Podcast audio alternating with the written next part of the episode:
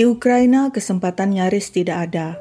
Meski kau kerja keras, banting tulang bertahun-tahun, hidupmu akan begitu-begitu saja sampai tua. Begitulah pendapat Arthur Samarin tentang negaranya Ukraina. Arthur Samarin dan orang tuanya tinggal di Nova Kakovka, sebuah kota kecil berpenduduk 45.000 orang di Provinsi Kherson, Ukraina. Arthur seorang mahasiswa di Universitas Negeri Kherson. Dia adalah pemuda cerdas, outgoing dan pintar bergaul, berani dan punya cita-cita tinggi. Arthur merasa gerah tinggal di Ukraina karena semuanya serba terbatas. Pengetahuan terbatas, fasilitas terbatas, kesempatan terbatas, uang juga terbatas. Sebab itulah dia kerap mengimpikan tinggal di negara-negara lain, negara-negara maju tentunya, terutama Amerika Serikat, di mana menurutnya mayoritas penduduknya makmur, kesempatan terbuka luas bagi siapa saja yang mau bekerja keras. Impiannya adalah kuliah di Amerika yang terkenal dengan universitas-universitas berkualitas. Cita-citanya tinggi, Suatu saat nanti Arthur ingin bekerja di NASA atau National Aeronautics and Space Administration, Badan Penerbangan dan Antariksa Amerika. Karena impian itulah, saat ada kesempatan mengikuti program pertukaran mahasiswa asing untuk bekerja di Amerika Serikat pada musim panas, Arthur langsung mendaftarkan diri untuk ikut. Meskipun bahasa Inggrisnya pas-pasan, dia berhasil terpilih sebagai peserta. Arthur Samarin berangkat ke Amerika dengan visa J1. Visa J1 diperuntukkan bagi orang-orang yang masuk ke Amerika dengan tujuan mengikuti program pertukaran budaya dan pendidikan. Visa ini berlaku selama tiga bulan. Para pemegang visa J1 diperbolehkan bekerja di Amerika, tapi hanya di perusahaan tertentu yang sudah ditunjuk. Arthur Samarin tiba di Amerika pada musim panas Juni 2012 di usia 20 tahun. Dia ditempatkan di Harrisburg, sebuah kota kecil di negara bagian Pennsylvania. Jumlah penduduk Harrisburg kurang lebih sama dengan jumlah penduduk kota Nova Kakovka di Ukraina. Tapi bagi Arthur, apa yang dilihatnya di Harrisburg berkali lipat lebih baik dibandingkan kota asalnya di Ukraina. Meski Harrisburg cuma kota kecil, tapi jalan-jalannya mulus dan dipenuhi mobil dan kendaraan lainnya yang tampak modern. Gedung-gedungnya bersih dan terawat berbeda dengan bangunan-bangunan di Nova Kakovka yang tua dan kusam. Semangat Arthur membuncah. Dia sudah menapakkan kaki di Amerika. Impiannya untuk kuliah di Amerika dan jadi orang sukses sudah di depan mata. Tapi tentu semuanya tidak segampang itu. Arthur datang ke Amerika bukan untuk kuliah, tapi untuk mengikuti program pertukaran mahasiswa. Dia tinggal dengan sesama mahasiswa asing lainnya di apartemen townhouse di kota Harrisburg. Selama tinggal di Harrisburg, Arthur bekerja di sebuah tempat yang sudah ditetapkan, yaitu restoran Red Robin yang terkenal dengan burgernya yang sedap. Per jam, Arthur dibayar 9 dolar 50 sen. Lumayan besar untuk ukuran Ukraina, tapi tidak ada apa-apanya untuk biaya hidup di Amerika. Arthur Samarin baru menyadari hidup di Amerika ternyata mahal, bukan seperti di Ukraina. Dia mulai menghitung, Ternyata biaya kuliah di Amerika juga mahal sekali, bisa sampai 10 hingga 20 kali lipat dibandingkan Ukraina. Tadinya dia berpikir dengan bekerja di Red Robin dengan gaji 9 dolar 50 sen per jam, dia bakalan bisa mengumpulkan uang dan kuliah di Amerika. Sekarang Arthur mulai mengerti. Hanya membayangkan saja gampang, tapi kenyataannya tidak seindah bayangan itu. Dari mana dia bisa mendapatkan uang untuk kuliah di Amerika? Lagi pula, dia masuk ke Amerika dengan visa J1, bukan dengan visa pelajar. Tidak terasa waktu berlalu, sebentar lagi memasuki September dan visa J1 Arthur akan berakhir dan dia harus kembali ke Ukraina. Arthur Samarin benar-benar malas balik ke Ukraina. Di sana tidak ada apa-apa. Dia ingin maju, dia ingin sukses. Kalau dia kembali ke Ukraina, dia tidak akan jadi siapa-siapa. Arthur benar-benar bingung dan galau. Untunglah Arthur pintar bergaul.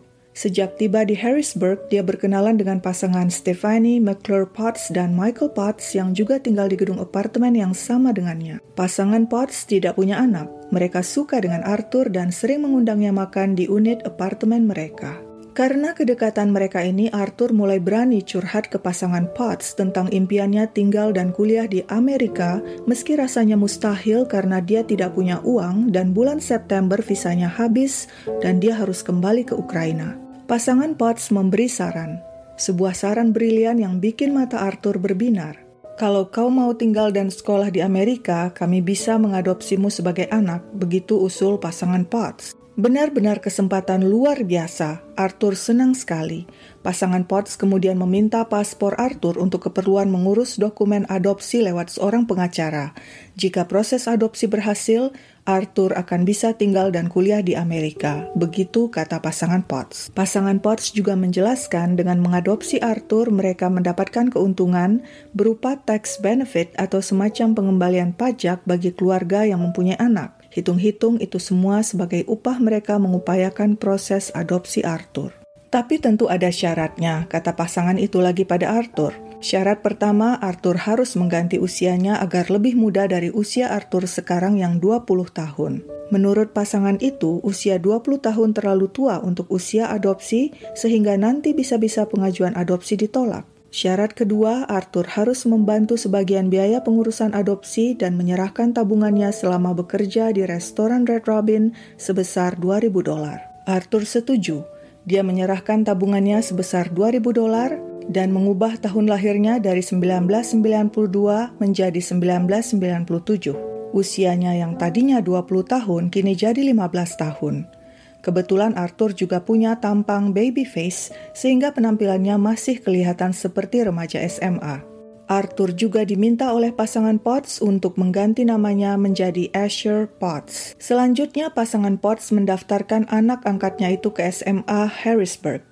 Akhir September 2012, Arthur mulai sekolah sebagai murid SMA usia 15 tahun dengan nama baru Asher Potts. Di awal masuk SMA, Arthur tidak banyak bicara dan lebih banyak mengamati bagaimana bersikap seperti remaja Amerika umumnya agar kedoknya tidak terbongkar. Hanya saja dia tidak bisa menghilangkan aksen Ukrainanya.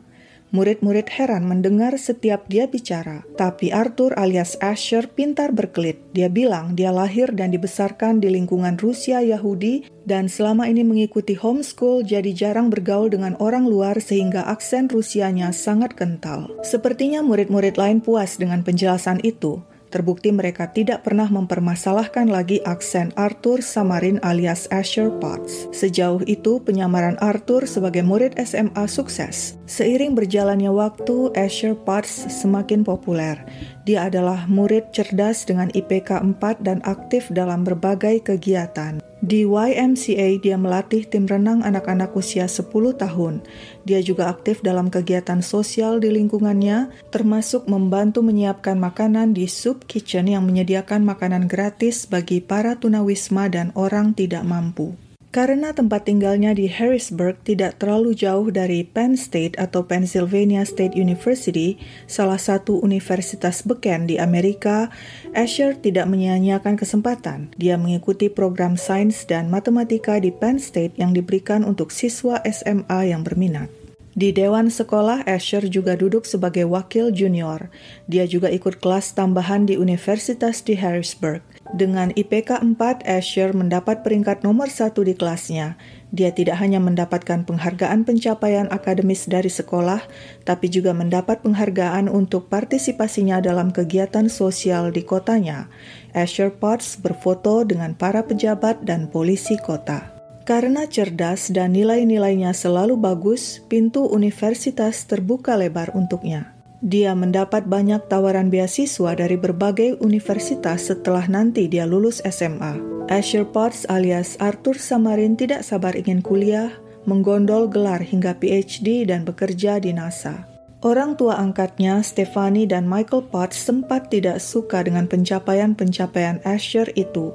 Mereka menganggap hal itu bisa menarik perhatian orang-orang sehingga nanti penyamaran Asher terbongkar bahwa dia sebenarnya bukan siswa remaja SMA, melainkan seorang mahasiswa yang sudah dewasa. Tapi setelah tahu Asher banyak mendapat tawaran beasiswa dan itu berarti uang, mereka tidak keberatan. Tapi hubungan Asher alias Arthur dan orang tua angkatnya sebenarnya semakin tidak harmonis. Dia mendapat kamar tidur di kloset dan setiap hari bertugas jadi pembantu di rumah itu, mulai dari mencuci baju pasangan Potts, membersihkan rumah, mencuci piring, dan menyiapkan makanan. Jika Asher melakukan kesalahan, pasangan Potts juga tak segan untuk memukulnya dan mengancam akan melaporkannya ke petugas imigrasi. Paspor Asher juga ditahan pasangan Potts. Asher yang semakin tidak betah tinggal bersama Stephanie dan Michael pernah kabur, tapi pasangan Potts mengancam akan melaporkannya ke polisi, sehingga nyali Asher ciut dan dia kembali ke rumah pasangan Potts. Hingga suatu hari Asher alias Arthur semakin tidak tahan. Kali ini dia memutuskan kabur selamanya dari rumah pasangan Potts. Dia tinggal menumpang dengan keluarga temannya dan tetap meneruskan sekolahnya di SMA Harrisburg. Melihat Asher alias Arthur Samarin tidak mau pulang, pasangan Potts marah. Asher sudah melanggar kesepakatan mereka. Dia sekarang berani membantah dan tidak mau lagi mengerjakan pekerjaan rumah tangga. Kali ini mereka tidak main-main dan menghubungi FBI. Pada bulan November 2015, Stephanie dan Michael Potts menghubungi FBI. Kepada FBI, mereka melaporkan Asher Potts, seorang pemuda yang pernah menumpang di rumah mereka, sebenarnya bernama Arthur Samarin asal Ukraina. Menurut mereka, pemuda itu kini bersekolah di SMA Harrisburg. Saat awal bertemu mereka pada 2012, Arthur mengaku sebagai seorang remaja berusia 15 tahun. Barulah kemudian pasangan Potts mengetahui bahwa Asher alias Arthur adalah pemuda dewasa. Kepada FBI, Stephanie dan Michael Potts kemudian menceritakan awal pertemuan mereka dengan Arthur Samarin. Menurut pengakuan Stephanie Potts, dia dan suaminya Michael bertemu Arthur Samarin di gedung apartemen townhouse di mana mereka tinggal. Saat itu Arthur bercerita pada mereka bahwa dirinya digebuki oleh sesama mahasiswa asing di tempat kerjanya. Stephanie mengatakan awalnya dia menyangka Arthur berusia 18 tahun saat melihatnya bekerja di restoran Red Robin. Tapi kemudian Arthur mengaku padanya bahwa usianya 15 tahun dan Stephanie percaya saja. Kepada pasangan Potts, Arthur mengeluh hidupnya di Ukraina susah. Dia pernah ditembak dan ditikam. Ayahnya sudah tidak ada dan ibunya menelantarkannya sejak dia berusia 9 tahun. Menurut pasangan Potts, saat tinggal bersama mereka, Arthur Samarin sering terbangun malam hari karena mimpi buruk, berteriak, mengompol dengan keringat dingin membasahi sekujur tubuhnya. Stephanie yang merasa kasihan berusaha menenangkan Arthur dan berjanji tidak akan membiarkan Arthur disakiti siapa pun lagi. Pada bulan September 2012, saat visa J1 Arthur berakhir, Stephanie dan Michael Potts menampung Arthur di apartemen mereka. Pasangan Potts mengaku pada FBI mereka tahu visa J1 Arthur sudah berakhir dan hal ini berarti pemuda itu tinggal di Amerika secara ilegal. Tapi karena kasihan, mereka ingin menolong Arthur dan berjanji akan membantu melegalkan status pemuda itu saat usianya 18 tahun. Pasangan Potts menegaskan pada FBI bahwa mereka tahu tindakan mereka salah, tapi berkali-kali mereka mengatakan mereka melakukan semuanya karena kasihan pada nasib Arthur Samarin. Menurut mereka, niat mereka baik dan tulus untuk membantu orang kesusahan dan tertindas. Mereka kemudian mendaftarkan Arthur di SMA Harrisburg. Menurut pengakuan Stephanie pada FBI, dia tidak memerlukan dokumen yang rumit untuk mendaftarkan Arthur di SMA itu. Di SMA Arthur kemudian mengatakan ingin masuk tentara dan berminat jadi astronot. Dia bergabung dengan ROTC atau Reserve Officers Training Corps, semacam program pelatihan untuk siswa dan mahasiswa yang nantinya ingin menjadi tentara Amerika. Tapi di tahun 2015, Arthur dinyatakan tidak bisa melanjutkan program pelatihan ketentaraan itu karena cek kesehatan menunjukkan dia punya masalah jantung. Nah, sejak saat itulah menurut Stefani, Arthur Samarin jadi frustrasi dan sifatnya berubah. Arthur mulai sering melontarkan ancaman-ancaman untuk melukai murid-murid dan guru sekolahnya. Arthur sesumbar aksinya ini nantinya akan membuat dirinya terkenal. Melihat sikap Arthur yang semakin berbahaya dan sering mengancam akan menyakiti orang lain, pasangan Potts pun terpaksa melapor kepada FBI demi keselamatan semua orang. Berdasarkan pengakuan pasangan Potts dan mengecek beberapa dokumen, FBI bersama polisi Harrisburg bergerak.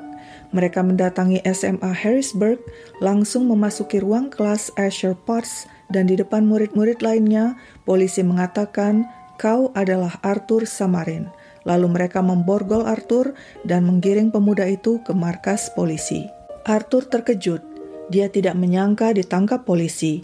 Awalnya dia sempat bersikeras polisi salah tangkap orang, tapi pada akhirnya Arthur tidak bisa berkelit lagi, terlebih saat polisi dan FBI membeberkan semua bukti-bukti bahwa dia adalah Arthur Samarin, pemuda Ukraina yang masuk ke Amerika dengan visa J1 pada 2012 dan berpura-pura jadi murid SMA berusia 15 tahun meski saat itu usianya sebenarnya 20 tahun yang berarti saat ditangkap usianya telah 23 tahun. Arthur terkena dakwaan memalsukan identitas dan tinggal secara ilegal di Amerika. Selain itu, Arthur juga diketahui berpacaran dan berhubungan intim dengan seorang siswi berusia 15 tahun. Hal ini berarti dia telah melakukan hubungan dengan anak di bawah umur. Saat diinterogasi polisi dan FBI, Arthur membantah versi pasangan Potts. Arthur mengatakan pasangan Potts lah yang menawarkan untuk mengadopsi dirinya, bahkan meminta tabungannya sebesar 2000 dolar untuk mengurus proses adopsi. Pasangan itu pula yang memintanya mengganti usianya lebih muda untuk memudahkan proses adopsi. Menurut Arthur Samarin, pasangan Potts marah padanya karena dia tidak mau lagi tinggal di rumah mereka dan menjadi pembantu mereka, sehingga sebagai balasannya mereka mengadukan dirinya pada FBI. Pengacara pembela Arthur mengatakan apa yang dituduhkan pasangan Potts tentang sikap Arthur yang berbahaya dan sering mengancam akan melukai guru-guru dan murid SMA Harrisburg hanyalah karangan mereka. Arthur memang berbohong tentang identitasnya, tapi selama ini semua orang mengenal Arthur Samarin atau Asher Potts sebagai individu yang baik, cerdas, dan berprestasi dan tidak pernah membuat masalah. Nah, Arthur Samarin punya versi cerita sendiri, begitupun pasangan Potts punya cerita versi mereka. Mana yang benar? Yang pasti pengadilan menetapkan mereka semua bersalah. Arthur Samarin terbukti bersalah atas pemalsuan dan pencurian identitas, tinggal secara ilegal di Amerika, dan karena Arthur berhubungan dengan anak di bawah umur, dia dianggap melakukan kekerasan seksual terhadap anak tersebut, yakni teman sekelasnya yang saat itu menyangka Arthur adalah remaja seusianya.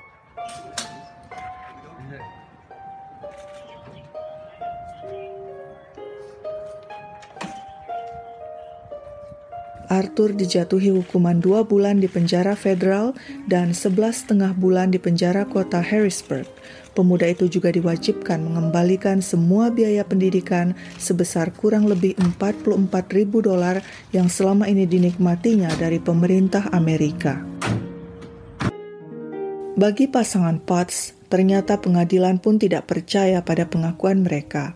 Mereka menampilkan diri sebagai orang yang tulus membantu Arthur. Padahal terbukti pasangan itulah yang menawarkan Arthur untuk tinggal di Amerika dengan memalsukan umur dan memberi pemuda itu identitas palsu sebagai Asher Potts demi keuntungan pribadi mereka. Selain terbukti menampung pendatang ilegal, pasangan Potts juga terbukti mencuri Social Security atau identitas milik orang lain yang bernama Asher Potts dan memberikannya pada Arthur Samarin sebagai identitas baru. Latar belakang pasangan Potts juga tidak membantu kasus mereka. Ternyata sebelumnya mereka pernah terlibat penipuan dan pemalsuan cek. Selama menampung Arthur Samarin yang diakui sebagai anak angkat, pasangan Potts berhasil memperoleh keuntungan dari pengembalian pajak dan fasilitas kesehatan sebesar 20 ribu dolar dari tahun 2012 hingga 2015. Jadi Arthur Samarin memang mendatangkan fulus yang lumayan buat pasangan Potts. Laporan pasangan Potts ke FBI untuk menangkap Arthur Samarin akhirnya malah jadi bumerang bagi mereka.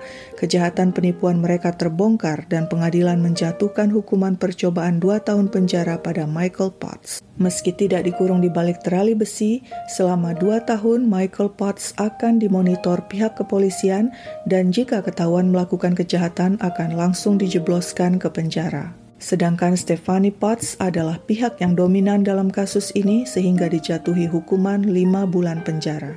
Ada satu hal yang paling mengejutkan – Ternyata selama ini pasangan Potts tidak pernah mengadopsi Arthur Samarin. Semua itu cuma akal-akalan mereka saja agar bisa mendapatkan tabungan Arthur sebesar 2000 dolar dan menjadikan Arthur pembantu rumah tangga mereka.